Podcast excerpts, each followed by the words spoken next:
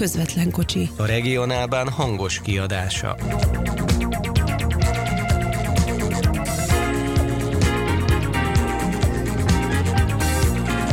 Velem szemben áll Borsi Dávid, a BKK szóvivője, és az előbb tartottatok egy sajtótájékoztatót arról, hogy a buszsávokat Budapesten belül közösen a BRFK-val most kiemelten ellenőrzitek. Mi ennek a célja, illetve hány napig tart ez az akció?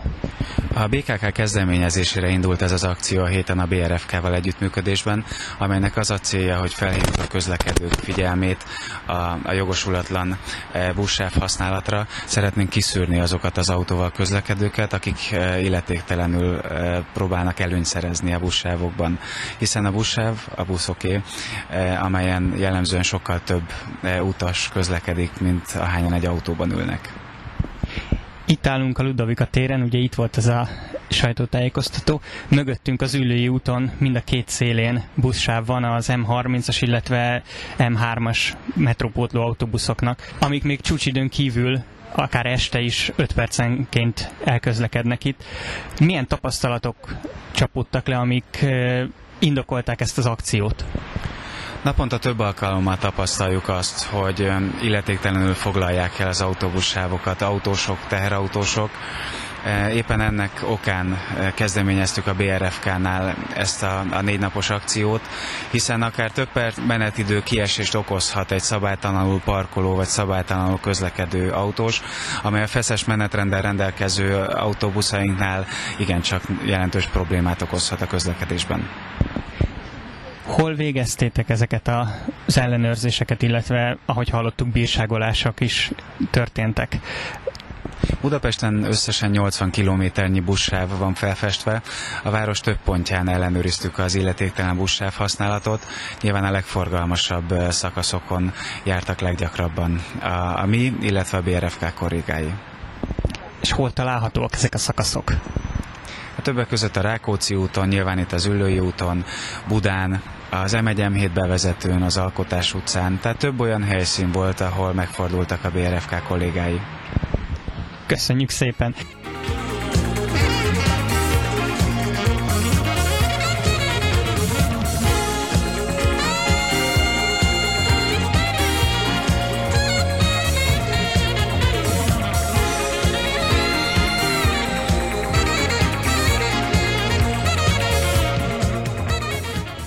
Telefonnál Borsi Dávid, a BKK szóvívője.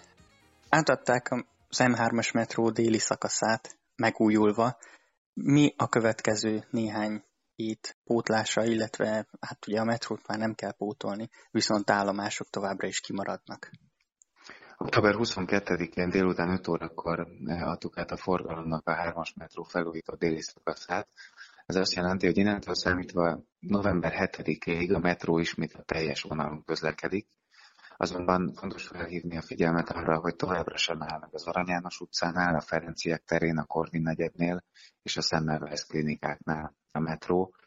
Ezeket a lezárt állomásokat a felszíni járatokkal, valamint a Nipliget és a Kávin között közlekedő M30-as állomáspotló autóbusszal lehet elérni. Ez az állomáspótló autóbusz, ez ugye eddig csak hétköznap közlekedett, ezen túl ez hétvégén is közlekedik. Maradnak a középső szakaszon lezárt állomások.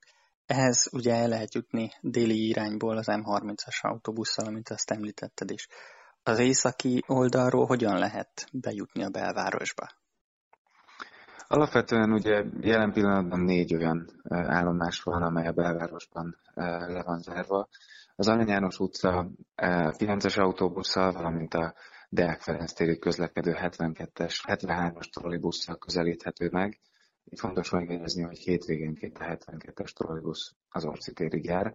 A Ferenciek tere környéke pedig a sűrűn induló 2-es villamossal, a 47-es, 49-es villamossal, illetve a Rákóczi úton közlekedő járatokkal, továbbá a 2-es, 4-es metróval érhető el, de beajánlhatjuk a 15-ös vagy akár a 115-ös autóbusz igénybevételét is. Nem csak közösségi közlekedéssel utazók hallgatják ezt az adást.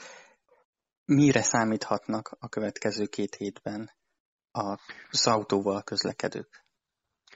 Ugyan a középső szakasz felújítása november 7-én, azaz szombaton kezdődik, A következő két hétben számos felszíni előkészítő munka folyik majd, úgyhogy az autósoknak már ebben az időszakban is számítaniuk kell a belvárosi szakaszokon különböző forgalmi korlátozásokra. A múzeum körúton az Asztóriánál Deák Ferenc tér felé csak egy, egy sáv járható, illetve a Rákóczi úton kifelé az Asztória után lezárták a buszsávot egy hosszabb szakaszon, tehát ez is lassítja a forgalmat.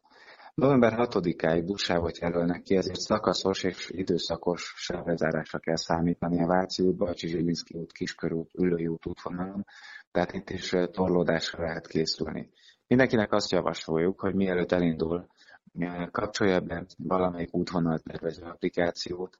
A Véz ugye valós idejű forgalmi helyzetet mutat, és az alapján tervez útvonalat.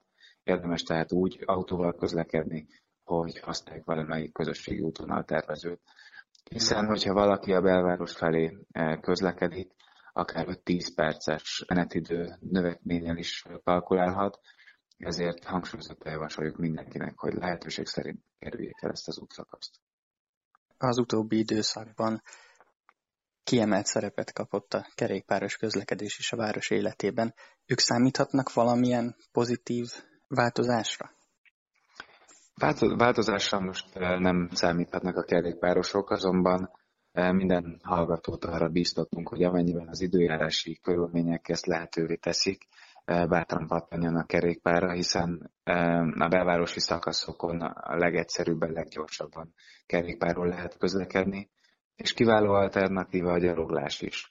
A belvárosi megállók között, metró megállók, metroállomások között átperces sétával tudunk közlekedni, úgyhogy amennyiben valakinek itt a belvárosban van dolga, és csak a belvárosban közlekedik, akkor javasoljuk azt, hogy akár gyalogosan haladjon.